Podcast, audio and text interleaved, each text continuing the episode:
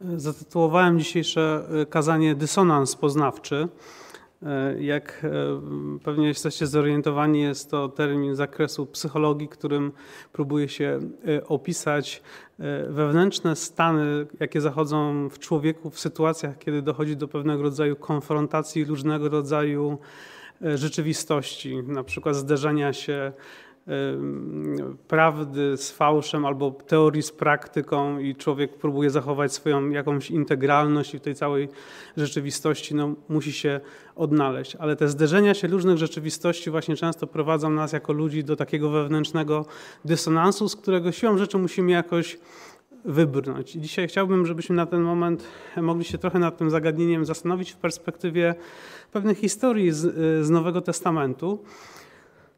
Co jak sądzę, będzie też dla nas pewnego rodzaju punktem wyjścia do tego, żeby e, móc jakieś praktyczne lekcje i wnioski e, z tego wszystkiego mm, wyciągnąć. E, jeśli pozwolicie, jeśli macie taką, taką ochotę, takie życzenie, to zachęcam do sięgnięcia do Ewangelii według świętego Mateusza.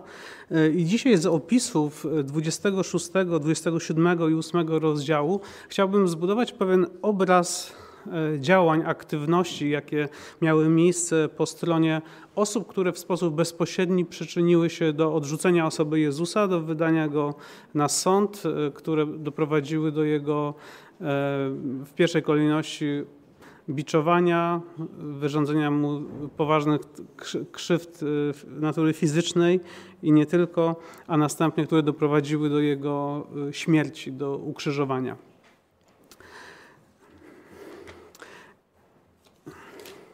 I wiemy jedną rzecz na pewno. Środowisko y, uczonych w piśmie faryzeuszy, generalnie tej religijnej y, kasty, ugrupowania, które y, w czasach Jezusa Chrystusa było odpowiedzialne za, za religijność jako taką w tej rzeczywistości judaizmu, przynajmniej jeśli chodzi o Jerozolimę i ten bezpośredni wpływ, jaki Jerozolima wywierała na inne e, części judaizmu rozsianego w diasporach, czy też w innych częściach właśnie e, Judy czy Palestyny szerzej. Wiemy na pewno z tekstu Ewangelii, że w tym środowisku e, uczonych w piśmie faryzeuszów e, osoba Jezusa Chrystusa na różnych etapach była postrzegana jako osoba, która no, ewidentnie wywiera znaczący wpływ, ale której działalność, ale też słowo, nauczanie no jest niezwykłym, innym, odmiennym od tego, które do tej, z którym do tej pory się spotykali. Y, świadczono o Jezusie jako o tym, który nie naucza jak uczeni w piśmie, ale naucza jako ten, który ma, y, ma moc, czy dosłownie autorytet, czyli opiera się na swoim własnym autorytecie, a nie dyskutuje na przykład kwestię tego, co jaki rabin, gdzie, w jakich okolicznościach, okolicznościach powiedział, ale po prostu naucza można by powiedzieć, z siebie tego, co dotyczy życia człowieka, praktyki dnia codziennego. E, no i wielu uczonych w piśmie faryzeuszów postrzegało e, Jezusa jako nauczyciela w sposób, no, można by powiedzieć, taki, który budził pewnego rodzaju respekt, czy Niektórzy z nich również przecież e, zgadzali się z Jezusem Chrystusem. Miał na pewno w Sanhedrynie jakieś osoby, które były jego cichymi poplecznikami. Ale zasadniczo Pewnie w dużej mierze względy e, osobiste, względy polityczne, kwestia e, dzierżenia władzy i pewnie cała masa innego rodzaju wątków, których nawet nie jesteśmy do końca może świadomi, jak w przypadku indywidualnych osób, jednostek, e, jakie czynniki wpływały na to, że osoba Jezusa została odrzucona. E, niemniej jednak całe ugrupowanie, to środowisko na jakimś etapie podjęło bardzo konkretne działania skierowane przeciwko Jezusowi Chrystusowi, mając prawdopodobnie w dużej mierze to przekonanie, no, że jeśli to wszystko potoczy się dalej tak, jak on to, to, to robi, jak prowadzi tę całą wspólnotę, to dojdzie do jakiegoś rodzaju rewolty, buntu i to wszystko, co mamy, co nam się udało wypracować, ten cały kompromis, w którym funkcjonujemy, po prostu spełznie e, na niczym. Więc e, podjęto decyzję o tym, żeby na jakimś etapie po prostu Jezusa się pozbyć. No takim kluczowym na pewno momentem był wjazd Jezusa Chrystusa do Jerozolimy, kiedy e, tłumy krzyczały Hosanna synowi Dawidowemu, oto idzie właśnie ten król łagodny, spokojny, jedzie na, na, na osiołku i źlebięciu oślicy. Więc kiedy tego typu e, symptomy entuzjazmu społecznego w stosunku do Jezusa z Nazaretu były obserwowalne, to był niewątpliwie ten, ten element zwrotny i decydujący o tym, żeby Jezusa Chrystusa zwyczajnie się pozbyć. No i teraz e, popatrzcie, jaki jest ciąg działań i wydarzeń właśnie związanych z tym wszystkim, czego, e, czego dokonują na pewnym etapie. Mateusz 26, 3 do 5. Przeczytam kilka tekstów. Mateusz, Ewangelia według świętego Mateusza, rozdział 26, wersety 3 e, po 5. Gdy Jezus dokończył wszystkich tych mów, rzekł do uczniów swoich: Wiecie, że za dwa dni będzie Pascha i syn człowieczy będzie wydany na ukrzyżowanie.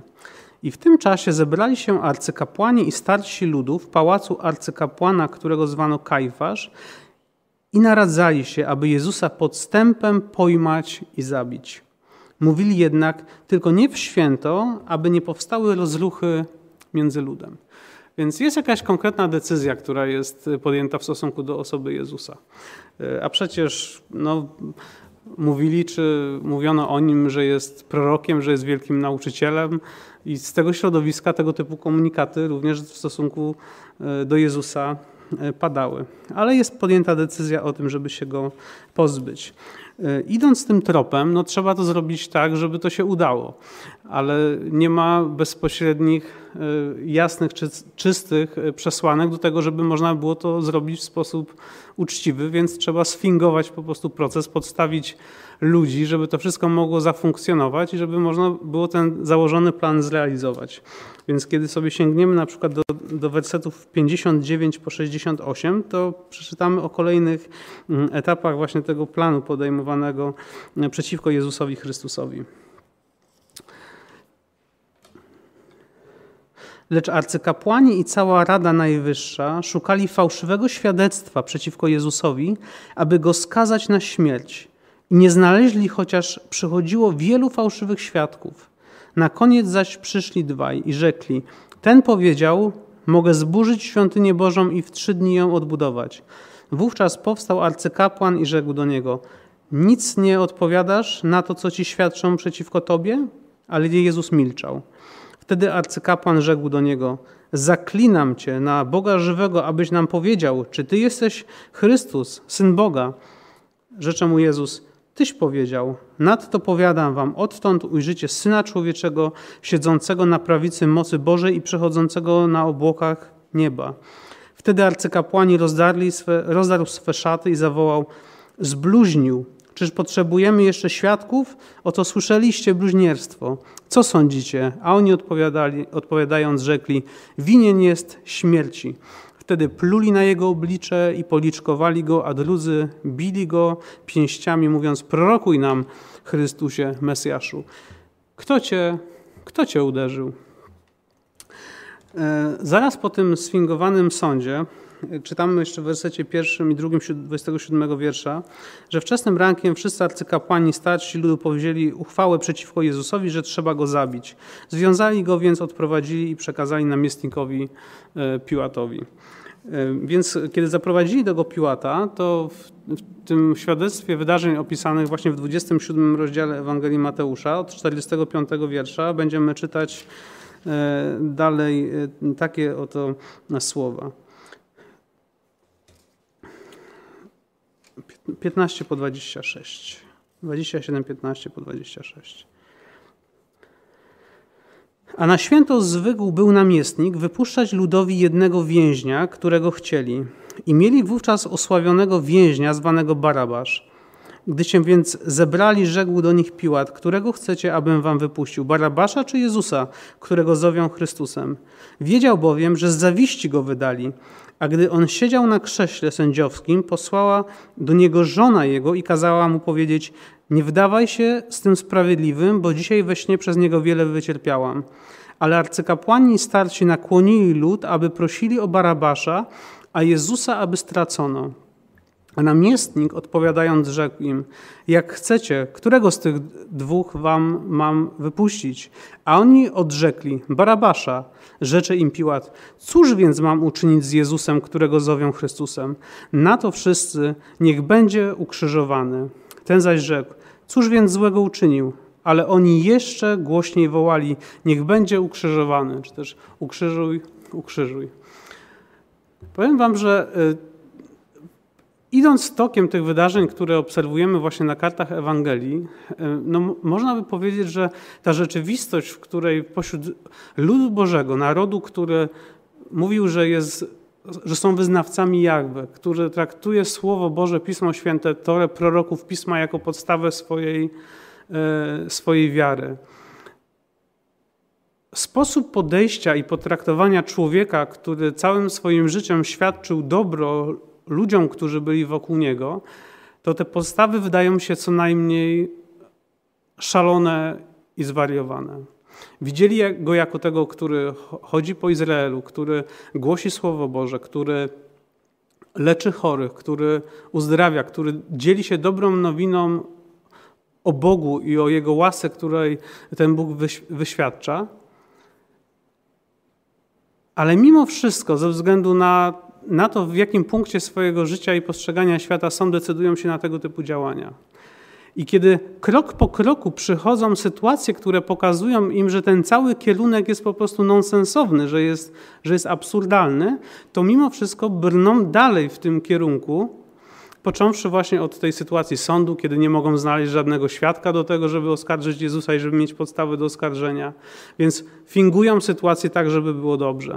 Potem idą dalej, idą do Piłata, Piłat przeciwko nim wypowiada bardzo konkretne słowa. Słuchajcie, tutaj nie ma żadnego problemu. Czego wy tak naprawdę chcecie? Daje im możliwość wyjścia z tego, e, z, tej sytuacji, w jakiej się znaleźli, przez to, że proponuje to, żeby go zwyczajnie uwolnić, stawiając e, naprzeciw nim albo zbira, albo tego nauczyciela miłości, który, który chodził i wyświadczał ludziom dobro. I mimo wszystko ludzie decydują się z jakiegoś powodu wykrzyczeć te słowa ukrzyżuj, ukrzyżuj, chcemy, chcemy żebyś nam wypuścił Barabasza, a nie wypuścił Jezusa. Więc idziemy dalej. Z Jezusem Chrystusem od Piłata w końcu Jezus trafia y, na, na Golgotę. Mateusz 27, 45 po 54. A o szóstej godziny, od szóstej godziny do godziny dziewiątej ciemność zaległa całą ziemię, a około dziewiątej godziny zawołał Jezus donośnym głosem Eli, Eli, lama sabachthani, co znaczy Boże mój, Boże mój, czemuś mnie opuścił? Niektórzy zaś z tych, co tam stali, usłyszawszy to, mówili, ten Eliasza woła. I zaraz pobiegł jeden z nich, wziął gąbkę, napełnił octem, włożył na trzcinę i dał mu pić. A inni mówili: Poczekaj, zobaczymy, czy Eliasz przyjdzie, aby go wyratować. Ale Jezus znowu zawołał donośnym głosem i oddał ducha, i oto zasłona świątyni rozdarła się na dwoje, od góry do dołu, i ziemia się zatrzęsła, i skały popękały, i groby się otworzyły, i wiele ciał świętych, którzy zasnęli, zostało wzbudzonych, i wyszli z grobów po jego zmartwychwstaniu, i weszli do świętego miasta, i ukazali się wielu. A setnik i ci, którzy z nim byli i strzegli Jezusa, ujrzawszy trzęsienie ziemi i to, co się działo, przerazili się bardzo i rzekli, zaiste, ten był Synem Bożym. Więc docieramy do takiego punktu, w którym Jezus Chrystus umiera na krzyżu.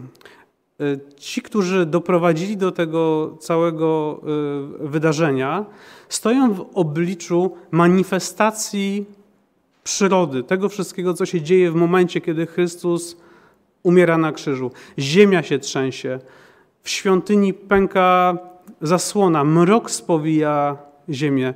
No widać, że coś się dzieje, że, że ziemia krzyczy, że, że, że mamy do czynienia z jakąś niesprawiedliwością, z jakimś radykalnym złem, z jakimś świadectwem wyrażającym gniew ze strony Boga ze względu na to wszystko, co się dokonało, co miało miejsce. I poganin, który stoi przy tym krzyżu, obserwując to wszystko, co się dzieje wokół, ma poczucie, że coś tu jest zwyczajnie nie tak. Że to, co się dokonało, nie powinno mieć miejsca. On naprawdę był synem Boga. Co robią ci z kolei, którzy doprowadzili do, do ukrzyżowania Jezusa Chrystusa? Zobaczcie 27 rozdział, wersety 62 po 66. Nazajutrz, czyli w dzień po święcie przygotowania, zebrali się u Piłata. Przedniejsi arcykapłani i faryzeusze, mówiąc: Panie, przypomnieliśmy sobie, że ten zwodziciel jeszcze za życia powiedział: Po trzech dniach zmartwychwstanę. Rozkaż więc zabezpieczyć grób aż do trzeciego dnia, żeby czasem uczniowie jego nie przyszli, nie ukradli go i nie powiedzieli ludowi: Powstał z martwych i będzie ostatnie oszustwo gorsze niż pierwsze. Rzekł im Piłat: No to macie straż, idźcie, co macie robić. Rodzi się w nich niewątpliwie jakaś myśl dotycząca tego, że coś może jeszcze nastąpić, co spowoduje, że ta sytuacja nabierze radykalnie różnego y, obrotu spraw. Więc brną w tym całym strumieniu działań skierowanych przeciwko Jezusowi Chrystusowi, żeby nie daj Boże nie doszło do czegoś jeszcze, do czegoś więcej, co mogłoby udaremnić tak naprawdę ich plan i to, w jaki sposób oni dalej mogą, będą mogli funkcjonować w tej rzeczywistości, e, rzeczywistości, w której się znajdują. I 28 rozdział, wersety 1 po 6. A po sabacie o świcie, pierwszego dnia tygodnia, przyszła Maria Magdalena i druga Maria, aby obejrzeć grób. I oto powstało wielkie trzęsienie ziemi, albowiem anioł pański zstąpił z nieba i przystąpiwszy odwoła, y, odwalił kamień i usiadł na nim. A oblicze jego było jak błyskawica, a jego szata biała jak śnieg. A strażnicy zadrżeli przed nim ze strachu i stali się jak nieżywi. Wtedy anioł odezwał się i rzekł do niewiasty, do niewiast, wy się nie bójcie, wiem bowiem, że szukacie Jezusa ukrzyżowanego. Nie ma go tu, bo zmartwychwstał jak powiedział, chodźcie, zobaczcie miejsce, gdzie, gdzie leżał. I wersety 11 do 15. A gdy one szły, oto niektórzy ze straży przyszli do miasta i powiadomili arcykapłanów o wszystkim, co, co zaszło. Ci zaś zebrali się wraz ze, ze starszymi i po naradzie dali sporo pieniędzy żołnierzom, mówiąc: Powiedzcie, że uczniowie jego w nocy przyszli i ukradli go, gdy spaliśmy. A jeśli by o tym usłyszał namiestnik, my go przekonamy i wam bezpieczeństwo zapewnimy. Wzięli więc pieniądze i postąpili tak, jak ich pouczono. I rozniosła się ta wieść wśród Żydów aż po dzień dzisiejszy. Moi drodzy, ten ostatni fragment, z którym y, przed momentem mieliśmy do czynienia z tego 28 rozdziału, jest dla mnie po prostu no, powalający w tym, w tym całym doświadczeniu, które zostaje przedstawione w 26, 7 i 8 rozdziale Ewangelii według świętego Mateusza. Bo o ile zdaję sobie sprawę, że różne czynniki w, tym całym, w tej całej przestrzeni e, życia, działalności Jezusa Chrystusa mogły na uczonych w piśmie, na kaście kapłańskiej spowodować takie, a nie inne postawy i stosunek do osoby Jezusa Chrystusa, to tak na pewnym etapie widzimy cały zespół postaw i zachowań i działań, które miały go doprowadzić do śmierci. I nawet ten ostatni argument, ten ostatni argument, który, który był potężny, bo był argumentem zmartwychwstania i świadectwem rzymskich żołnierzy, którzy przyszli do arcykapłanów i mówią im o tym wszystkim, co się wydarzyło, przyszli do tej kasty religijnej, mówiąc o tym, co właśnie miało miejsce, to nawet ten ostateczny argument nie był w stanie przekonać ich do tego, że to wszystko, czego dokonali, po prostu było jedną wielką pomyłką. Powiem Wam, że ja jestem zdumiony tym, tym fenomenem ludzkiej psychiki i tych ludzkich postaw, które, które, po, które potrafią tak człowiekiem zakręcić i w taki sposób powodować jego sposób postrzegania świata i rzeczywistości, że nawet choćby wszystko wokół pokazywało, że rzeczywistość wygląda inaczej niż mi się wydaje, to ja i tak do samego końca uparcie będę trwał przy tym, że mam rację i będę uparcie i konsekwentnie realizował swój, swój własny plan. Jak to jest możliwe, że do człowieka coś nie dociera. Jak to jest możliwe, że, że człowiekowi, kiedy przedstawisz nawet najbardziej radykalne argumenty, świadectwa tego, jak wygląda rzeczywistość, jak wygląda prawda, to nie jest w stanie tego zwyczajnie przeskoczyć i zmienić, zrewidować swój pogląd i pójść w innym kierunku, odciąć się od tego, dokąd idzie. E, wziąłem ten przykład, który e, jest zaczerpnięty, zaczerpnięty z Ewangelii, e, by po prostu zwyczajnie zilustrować pewną ludzką przypadłość i pewne, pewien, pewien model działań, postępowania człowieka, który, który prowadzi go do tego, że, że człowiek jest w stanie zrobić rzeczy, które po prostu są nie do pomyślenia. A on znajduje dla, dla siebie argumentację, poparcie, utwierdzenie i będzie konsekwentnie realizował swoje plany. I, I, ten wątek dotyczący dysonansu poznawczego, bo tutaj do tego y, zmierzam, jest y, ewidentnie w tej sytuacji obecny. Mamy do czynienia, do, do czynienia z dysonansem poznawczym. Z dysonansem dotyczącym tego, odnośnie czego mamy głębokie przekonanie, że jest, że jest prawdą, na przykład to, że ten Jezus z Nazaretu jest fałszywym prorokiem, że jest złym człowiekiem, że jest paskudny, że zwodzi ludzi, że po prostu najlepiej byłoby się, żeby go y, pozbyć. Przeciwko temu występuje cała masa argumentów przeciwnych. Nie powiedział złego słowa, nie uczynił niczego złego. Był świadectwem dobra, miłości, błogosławieństwa, moc Boża przejawiała się w jego działaniu. Uzdrawiał trędowatych, wypędzał demony. Setkom, a może tysiącom ludzi przywrócił, przywrócił e, zdrowie. Wskrzesił umarłych.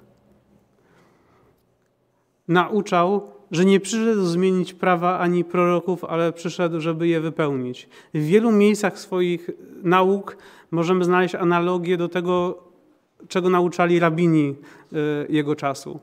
I mamy te dwie przeciwstawne sobie rzeczywistości, i ta grupa konsekwentnie zmierza w kierunku dotyczącym tego, żeby tego Jezusa się pozbyć. Mamy cały szereg wydarzeń, które mają miejsce w tym końcowym etapie, gdzie oni krok po kroku zaciemniają po prostu te wszystkie argumenty po drugiej stronie, czy odsuwają je na bok, po to, żeby doprowadzić swój plan do końca. Więc to się określa też w psychologii, o ile dobrze pamiętam, redukcją dysonansu poznawczego. Tak? Bo mamy do czynienia z dwoma przeciwstaw, przeciwstawnymi zbiorami faktów, prawd.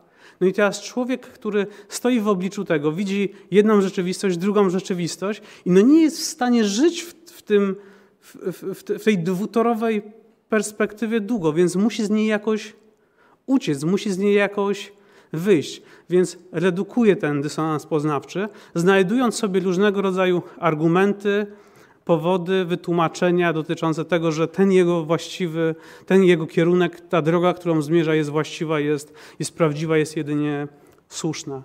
I jak widać na przykładzie świadectwa Ewangelii według świętego Mateusza, w tej redukcji dysonansu, w tej redukcji dysonansu, w tej redukcji faktów przeciwstawnych w stosunku do moich przekonań, można iść tak daleko, że czarne będzie białe, a białe będzie czarne i, i nic mnie nie przekona do tego, że jest, że jest inaczej. Generalnie e, psychologowie, psychologowie zaczęli się zajmować tym zagadnieniem w kontekście wydarzeń II wojny światowej. Po II wojnie światowej, kiedy kiedy cały Holokaust przemówił do ludzkości z tą ogromną mocą i świadectwem ludzkiego zła, nienawiści, e, mordu, który, który został dokonany, ludzie się zaczęli zastanawiać, jak to jest możliwe, że człowiek człowiekowi takie rzeczy jest w stanie zrobić. Jak to jest możliwe, żeby przekonać rzesze ludzi do tego, że taki sposób działania ma rację bytu, że to jest właściwy kierunek i tak właśnie powinniśmy czynić. Bo przecież to nie jeden Hitler dokonał zbrodni, które miały miejsce w II wojnie światowej, tylko masy, tłumy, setki, tysiąca, może miliony ludzi po prostu dokonywały zbrodni, o których po prostu aż, aż strach mówić. Jak to jest możliwe, że człowiek może zostać tak opętany, tak owładnięty jakąś ideą, że, że nawet najbardziej najbardziej mm, fundamentalne prawdy o tym, że, że człowiek ma wartość, że drugi człowiek ma wartość, że drugi człowiek jest takim samym człowiekiem jak ja, są wyrugowane z mentalności człowieka i ten jest w stanie drugiemu po prostu tego typu rzeczy uczynić na tak masową skalę. Więc psychologowie zaczęli badać w ogóle całe to zjawisko tego mechanizmu psychologicznego, który zachodzi w człowieku po to, żeby, żeby mogły pewne zjawiska czy pewne postawy zwyczajnie zaistnieć. E, no i na tym, e, na bazie tego, na bazie różnych analiz, które w ostatnich tam kilkudziesięciu latach zostały czynione, e, wyjaśniono, czy podano kilka możliwości i sposobów, na, na zasadach których ludzie dokonują tej, tej redukcji dysonansu poznawczego, próbując wyjść z tego wewnętrznego impasu pomiędzy różnymi sprzecznymi danymi, które docierają do nich i i powodują, że, że wewnętrznie muszą coś ze sobą zrobić, bo nie są w stanie w takiej rzeczywistości istnieć dłużej, więc znajdują z niej jakieś wyjście. E, no i tak, no, bo w ogóle tak na marginesie, no to jest naturalne dążenie człowieka, że człowiek próbuje funkcjonować w ramach jakiejś integralności wewnętrznej, tak? próbuje być spójny. Więc w sytuacjach, kiedy tej spójności brak, on w sposób podświadomy dąży do tego, żeby wprowadzić tę, E, tę zgodność, no i właśnie redukuje te rzeczywistości, które powodują, że, że mu jest niewygodnie, że jest mu wewnętrznie, e, wewnętrznie źle. Więc e, w ramach tej redukcji dysonansu czasami się zmienia jakiś jeden z elementów, czasami przeformułowuje się znaczenie pewnych, pewnych faktów, a czasami się wprowadza jakieś dodatkowe dane, które zmieniają perspektywę całości i utwierdzają nas w tym, co, co uważamy za słuszne. Żeby na prostych przykładach y, o tym, y, o tym powiedzieć. Słuchajcie, czy, czy jesteście przekonani o tym, że palenie papierosów jest, jest niezdrowe i szkodliwe dla człowieka? Czy, czy kogoś trzeba przekonywać do tego, że, że palenie papierosów jest, no jest, jest niedobre dla mnie, dla mojego organizmu, dla tego, który stosuje nikotynę, kto, kto pali i to pali regularnie i tak dalej. Zresztą jak pali mało, to też to jest szkodliwe. Czym, czym więcej, czym dłużej, tym bardziej. Czy, czy to są fakty? Czy to jest obiektywna prawda, że palenie papierosów jest szkodliwe? No, wydawałoby się, że tak. Wydawałoby się, że tak. A jednak, a jednak jak e, spotykamy się z, ludźmi, jak rozmawiasz z człowiekiem, który pali papierosy i mu powiesz, że, że to palenie papierosów jest, jest niezdrowe dla niego, to znajdziesz całą masę właśnie elementów redukujących, które wyprowadzają właśnie z tego dysonansu, zderzenia się z faktami, które stają naprzeciw niego i z którymi on po prostu musi coś zwyczajnie w świecie zrobić. Więc, więc po pierwsze można podważać zasadność twierdzeń. W jaki sposób? Ano bardzo prosty. I pewnie przypomni wam się niejedna historia, jedna, niejedna rozmowa tego typu. Proszę pana, moja babcia ma 90 lat, od 70 lat pije i pali i żyje, jest zdrowa. O, jakim, o jakiej szkodliwości y, y, palenia papierosów y, my w ogóle rozmawiamy?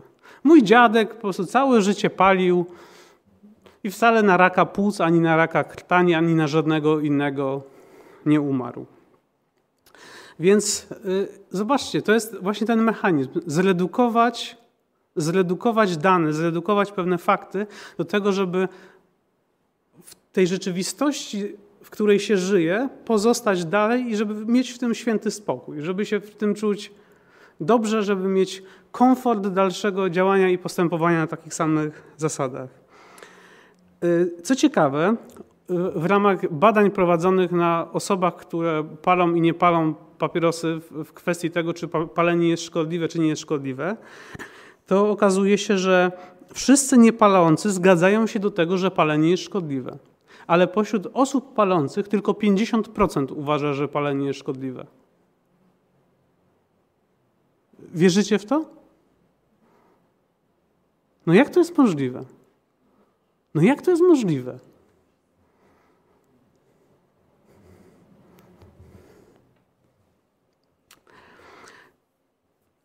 Można też przeformułować znaczenie pewnych faktów. Y, na przykład, palacz pali, ale twierdzi, że nie pali tego, co jest tak, aż tak bardzo szkodliwe, bo pali na przykład papierosy w wersji light. Więc no wprawdzie jest szkodliwe, ale on wybiera to, co jest nie aż tak szkodliwe, i więc siłą rzeczy no ten dysonans jest rozwiązany, bo dokonujemy redukcji i ten wewnętrzny stan, to samopoczucie wygląda już y, nieco lepiej. Albo, albo jeszcze innego rodzaju próby właśnie y, zredukowania dysonansu w tym zakresie. Proszę Pana, życie jest szkodliwe. Powietrze jest szkodliwe, jedzenie jest szkodliwe, cukier jest szkodliwy, nadmiar cukru szkodliwy, y, brak cukru szkodliwy. Co nie jest szkodliwe? Wszystko jest szkodliwe. I następny, następny mach. Czy tak nie wygląda rzeczywistość? No, dziesiątki przypadków, z którymi, z którymi pewnie nie tylko ja się spotkałem, ale wy pokazuje właśnie, że ten mechanizm w nas jako ludziach zwyczajnie jest. I my do zachowania, do zachowania tej integralności wewnętrznej potrzebujemy tej redukcji, tego dysonansu, bo gdybyśmy w, w tej rzeczywistości dłużej trwali, to byśmy zwyczajnie po prostu powariowali. Tylko pytanie, jak tak można żyć i jak dalece i w jakich zakresach możemy sobie to redukować w sposób, który nie będzie powodował tak naprawdę krzywdy nas samych, osób, które są wokół nas, bliskich i tego, co dotyczy tak naprawdę naszego życia, nie tylko tego tu i teraz, ale tego również, które, jak wierzymy, będzie miało miejsce kiedyś. I nie mówię tutaj absolutnie o kwestiach dotyczących na przykład palenia papierosów. To tylko taki przykład tego, jak można uciekać w różnych kierunkach, redukując tę rzeczywistość faktów, które, wobec których stoimy i praktyki, której jesteśmy e, uczestnikami. Ale zobaczcie, zachodzi czasami przecież w związkach, w małżeństwach do sytuacji, gdzie mąż zdradza żonę albo żona zdradza męża. Mogą być obydwoje chrześcijanami i wyżywać i wyznawać tę, tę, tę prawdę, że przykazanie siódme mówi nie cudzołóż i Ewangelia mówi to, co mówi. I żyje w dwóch światach, w dwóch rzeczywistościach. W rzeczywistości obiektywnej prawdy, o której mówi Słowo Boże, i w rzeczywistości tego, co robi, jak funkcjonuje i na jakich zasadach. Więc trzeba to jakoś zredukować, trzeba z tego jakoś wyjść. A 20 lat temu, jak żeśmy się pobierali, to on, ona były, były innymi osobami. O, jak go brałam, to był taki szczupły, przystojny, sympatyczny, a teraz popatrzcie na niego, jak on wygląda. Ja dzisiaj już jestem innym człowiekiem. Nie jestem tym samym człowiekiem, który byłem kiedyś, no więc jak mogę po prostu w sposób taki sam jak kiedyś odnosić się do tej sytuacji, w której znajduję się obecnie? Albo tak naprawdę to jest jego, jej wina i odpowiedzialność, że Y, szukam szczęścia poza małżeństwem, ponieważ w małżeństwie jej nie dostaję. To są wszystko właśnie te redukcje dysonansu poczynione po to, żeby próbować w, w, tej, w tym zderzeniu, w zderzeniu przeciwstawnych faktów wyjść z tego i mieć poczucie, że wszystko jest jakoś w miarę ok, poradziłem z tym sobie, to co robię ma jakiś, jakiś sens, ma jakąś, ma jakąś rację. Mam jakieś poglądy religijne. Całe życie byłem uczony o tym, że rzeczywistość dotycząca, nie wiem, Boga, świata, człowieka wygląda tak i tak. I nagle na jakimś etapie swojego życia zderzam się z innymi faktami. Z faktami, które pokazują mi, że moje przekonania w to, w co wierzę, w co wierzyłem przez całe swoje życie, jest jedną wielką bzdurą, jest, jest, jest, jest kłamstwem, jest, jest zafałszowaniem rzeczywistości, jest wypadkową na pewno nie tego, że Pismo Święte tak mówi i tak naucza, że Jezus tak nauczał, że apostołowie tak nauczali. Więc co z tym zrobię? No trzeba wyjść jakoś z tego impasu. Więc można również redukować na, na różnych zasadach. Ktoś za mnie jest odpowiedzialny to ktoś inny weźmie odpowiedzialność za to, czego robi, czego naucza. Ja tak zostałem wychowany, ja w tej rzeczywistości pozostanę. Mam odpowiedzialność za to, czego dostałem y, do czego zostałem przygotowany i w tej rzeczywistości będę trwał dalej. Na jakichś etapach zderzamy się z tym na przykład, że w jakichś kwestiach dotyczących na przykład wiary nie myślimy tak, jak myśli nasz Kościół, nie myślimy tak, jak naucza nasz Kościół. Co mam z tym zrobić? Jak, jak się wydostać z tego, z tego dysonansu przekonań na przykład własnych i tego, w co wierzą wszyscy, czy wierzą w ci, y, y, ci, którzy tworzą wspólnotę, której częścią jestem? Człowiek szuka redukcji, musi zredukować, bo zwariuje. Więc podejmuje różnego rodzaju kroki, ruchy, działania, które, które mm, tworzą określone postawy i prowadzą do konkretnych działań. I tak zapytam, czy może teraz znajdujecie się w jakiejś takiej sytuacji, w której dwie sprzeczne rzeczywistości dotykają waszego życia? Dwie sprzeczne, takie, które kompletnie prowadzą was w różnych kierunkach. No i musicie coś ze sobą zrobić. Nie możecie w tym stanie trwać na wieki wieków. Tego się po prostu nie da robić. Jakieś decyzje trzeba podejmować, jakieś, jakieś ruchy trzeba robić. Czy, czy, znajduje się, czy znajdujesz się może w takiej sytuacji swojego życia, gdzie zachodzi dysonans pomiędzy tym, do czego masz przekonanie, że jest zgodne z wolą Boga, zgodne z tym, co mówi Słowo Boże, z tym w kontekście czego, czego doświadczasz na co dzień w swoim życiu, w kontekście praktyki dnia codziennego, swoich własnych postaw. Słowo Boże mówi jedno, ja robię co innego. Jest ten dysonans pomiędzy życiem a przekonaniem, pomiędzy tym, co tu i co praktycznie, i człowiek nie może w tym długo pozostać i, i szuka jakiejś redukcji, musi stąd wyjść. No i pytanie, no i w jaki sposób zredukujesz ten dysonans poznawczy? W jaki sposób zredukujesz te dwie rzeczywistości, które się ścierają i z których musisz się wydostać? Można zredukować na różne sposoby. Pokrótce pokazałem sposoby i kierunki, gdzie ludzie właśnie przeformułują pewne znaczenie, wprowadzają dodatkowe elementy, które powodują, że ta rzeczywistość zaczyna nagle w ich oczach wyglądać inaczej niż, niż, niż się wydaje. Pokazałem Wam przykład z Ewangelii według świętego Mateusza, jak redukcja dysonansu poznawczego prowadzona w sposób konsekwentny aż do samego końca doprowadziła y, religijną kastę judaizmu przełomu wieków tego konkretnego pokolenia do sytuacji, w której odrzucili Mesjasza, na którego czekali. Robiąc to w przekonaniu, że robią dobrze i utrzymując się y, w tej rzeczywistości, pomimo tego, że wszystko wokół krzyczało inaczej.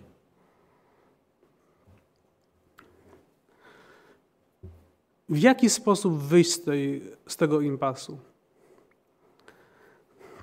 Sięgnąłbym tutaj właśnie do tego wersetu, który został przywołany na samym początku. Poznacie prawdę, a prawda was, was wyswobodzi. Prawda, która dociera do naszego życia, ona tworzy dysonansę w naszym życiu, bo taka jest jej funkcja, ona musi to spowodować. Tylko pytanie, co my z tym zrobimy? Czy pozwolimy tej prawdzie wejść i dokonać redukcji dysonansu na warunkach wprowadzonych przez nią? Czy będziemy po prostu redukować, spychając wszelką rzeczywistość tego, co, co właściwe, co zasadne, co dobre, co do czego tak naprawdę wewnętrznie mamy przekonanie na bok, żeby tylko, nie daj Boże, się nie zmieniło to, co żeśmy sobie poukładali, zbudowali, co uważamy za właściwe, zasadne i, i takie, które powinno mieć, mieć miejsce. Zobaczcie do drugiego listu do Tesaloniczan, drugi list do Tesaloniczan, rozdział drugi.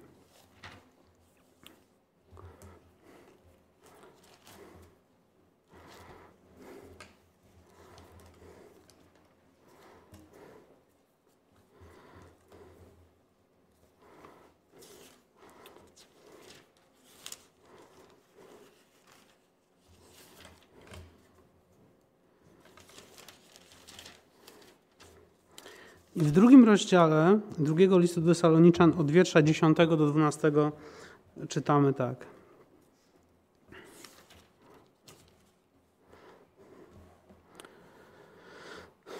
Wśród wszelkich podstępstw i oszustw wobec tych, którzy mają zginąć, y, ponieważ nie przyjęli miłości, może od dziewiątego jeszcze przeczytam, żeby kontekst złapać. Ów niegodziwiec przyjdzie za sprawą szatana z wszelką mocą wśród znaków i rzekomych cudów, i wśród wszelkich podstępnych oszustw wobec tych, którzy mają zginąć, ponieważ nie przyjęli miłości prawdy, która mogła ich zbawić. I dlatego zsyła Bóg na nich ostry obłęd, taki, że wierzą kłamstwu aby zostali osądzeni wszyscy, którzy nie uwierzyli prawdzie, lecz znaleźli upodobanie w nieprawości. Popatrzcie, ten e, fragment e, z drugiego rozdziału, drugiego listu do Tesaloniczan mówi nam o tym, że prawda ma naprawdę iście zbawienny wpływ na życie człowieka. Że prawda dociera do nas, prawda Słowa Bożego, prawda o nas samych, ta, z którą się konfrontujemy w życiu, w kontekście doświadczeń, e, spotkań z innymi ludźmi, tego, co czasami możemy usłyszeć na swój temat, o czym możemy się przekonać w kontekście takiej autorefleksji opartej na, na zestawieniu nas na przykład z Pismem Świętym. Na różnych warunkach możemy dostrzegać prawdę, która dotyczy nas, dotyczy świata, dotyczy, dotyczy Boga. I ta prawda przychodzi do nas po prostu zwyczajnie po to, żeby nas ratować.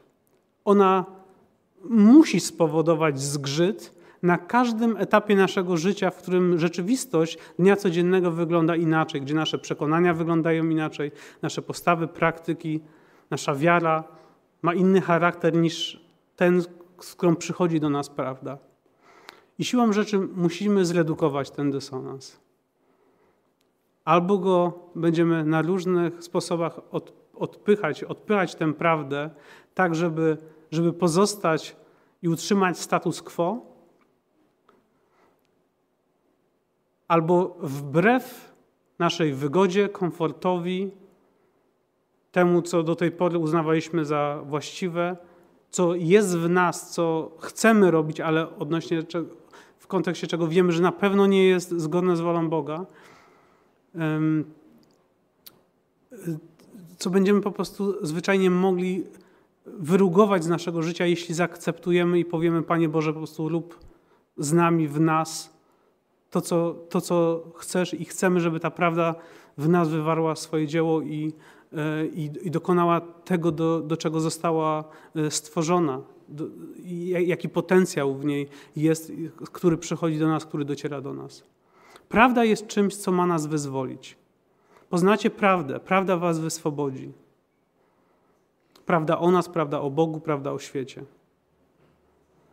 Ale ona przychodząc będzie się zderzała z inną rzeczywistością, tworząc ten dysonans.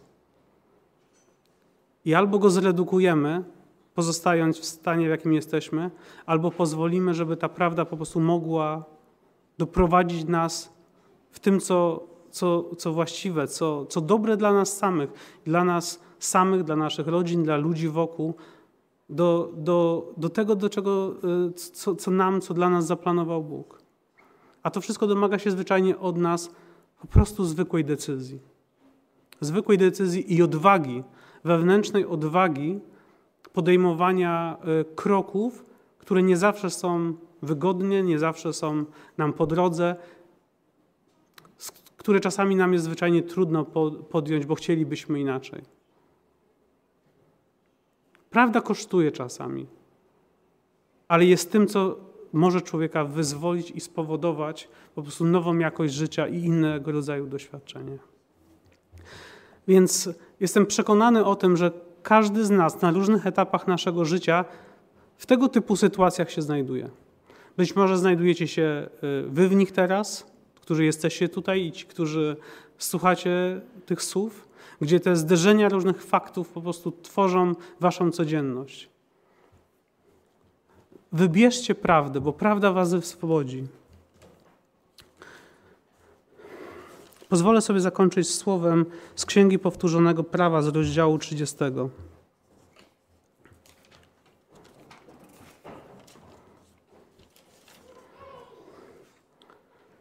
To przykazanie bowiem, które ja Ci dziś nadaję, nie jest dla Ciebie ani za trudne, ani za dalekie. Lecz bardzo blisko Ciebie jest słowo, w Twoich ustach i w Twoim sercu, abyś je czynił. Patrz, kładę dziś przed Tobą życie i dobro oraz śmierć i zło. Gdyż ja nakazuję Ci dzisiaj, abyś miłował Pana, Boga Twego, chodził Jego drogami i przestrzegał Jego przykazań, ustaw i praw, abyś żył i rozmnażał się, a Pan, Bóg Twój, będzie Ci błogosławił w ziemi, do której idziesz, aby ją posiąść.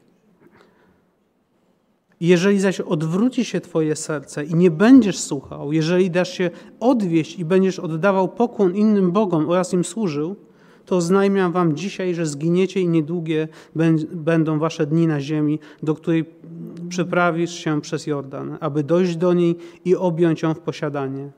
Biorę dziś przeciwko wam na świadków niebo i ziemię. Położyłem dziś przed tobą życie i śmierć, błogosławieństwo i przekleństwo. Wybierz przeto życie, abyś żył, ty i twoje potomstwo, miłując Pana, Boga Twego, słuchając Jego głosu i lgnąc do Niego, gdyż w tym jest Twoje życie i przedłużenie Twoich dni. Amen.